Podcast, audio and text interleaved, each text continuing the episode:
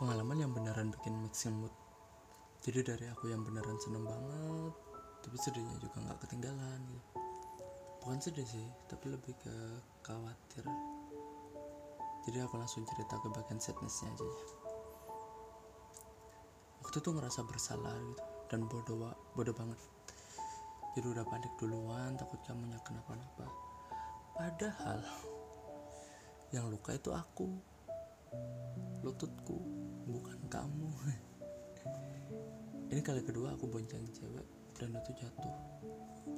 Sebelumnya kan kecelakaan berapa ya dua minggu sebelum kejadian ini. Jadi berangkat kerja temanku nebeng gitu dan pas di tengah perjalanan dipotong sama mama. Sebenarnya nggak mau generalin mama sih. Cuman ya selama aku naik motor pemicu kecelakaannya ya cuman kriterianya mama. Oke balik lagi.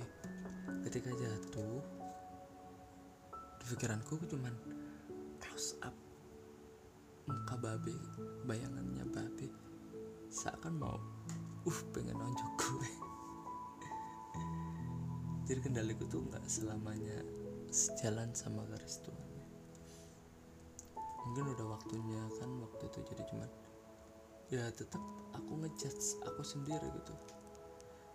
Istilahnya siapa aku yang bisa-bisanya bikin traumatik anak orang? Apalagi dia yang beneran paling aku sayang gitu. Bodoh sekali. Ezak beneran serius terus minta maaf meskipun ya annoying gitu. Menurut kamu pasti aneh kira aku udah kalut banget waktu itu. Jadi paling merasa bersalah. Jadi ketika kau tahu kamu baik-baik aja nggak ada luka mungkin terdengar kayak dramatis sih tapi memang aku waktu itu pengen peluk kamu gitu. Kayak tanda aku syukur akhirnya kamu nggak apa-apa gitu. Khawatir khawatir banget. Parah sih tapi ya cuman sikonnya nggak nggak mungkin.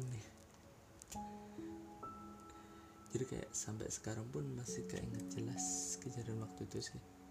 Jadi kali pertama kita punya cerita pahit. Kayaknya cukup dewasa nih ya balik ke senang-senangnya waktu itu kan spontan banget sih kita pilih tanggal ya kapan berangkatnya. Itu kan berawal dari curhatan kamu yang "Mm, emak emak jalan-jalan ke sana ke sana ke sana. Tapi anaknya nggak pernah jalan. Ya udah gue ajakin. Spontan pilih tanggal satu ya dan itu juga kali pertama lu berani bilang minta aku treatment fotoin di pantai gitu. Esak gue langsung mau dong gue nyambung sama soal jadi fotografer dadakan kamu kebetulan kan HP aku udah parah gitu. Baterai juga setengah hari doang bisanya. Jadi kayak kebetulan ada yang jual HP itu jadi pas budgetnya pas maksudnya budgetnya sesuai. Kepikiran beli kan waktunya waktu itu kan HP-nya nggak masalah sebenarnya. Cuman baterainya aja parah terus kepikiran buat beli HP ini juga bukan karena pengen ganti.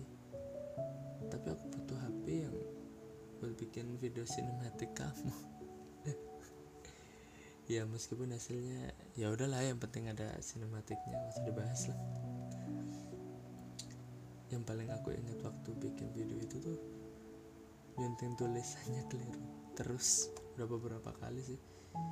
Itu kata journey itu ganti sampai tiga kali kayaknya itu akunya yang nggak sadar udah, ngantuk banget ya atau memang nggak tahu frasenya kayak gimana.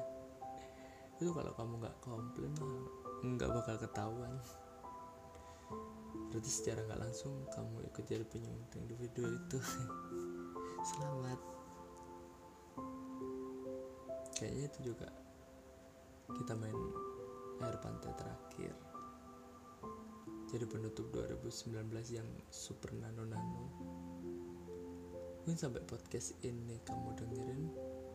Kayaknya kita belum ada rencana buat ke pantai lagi sih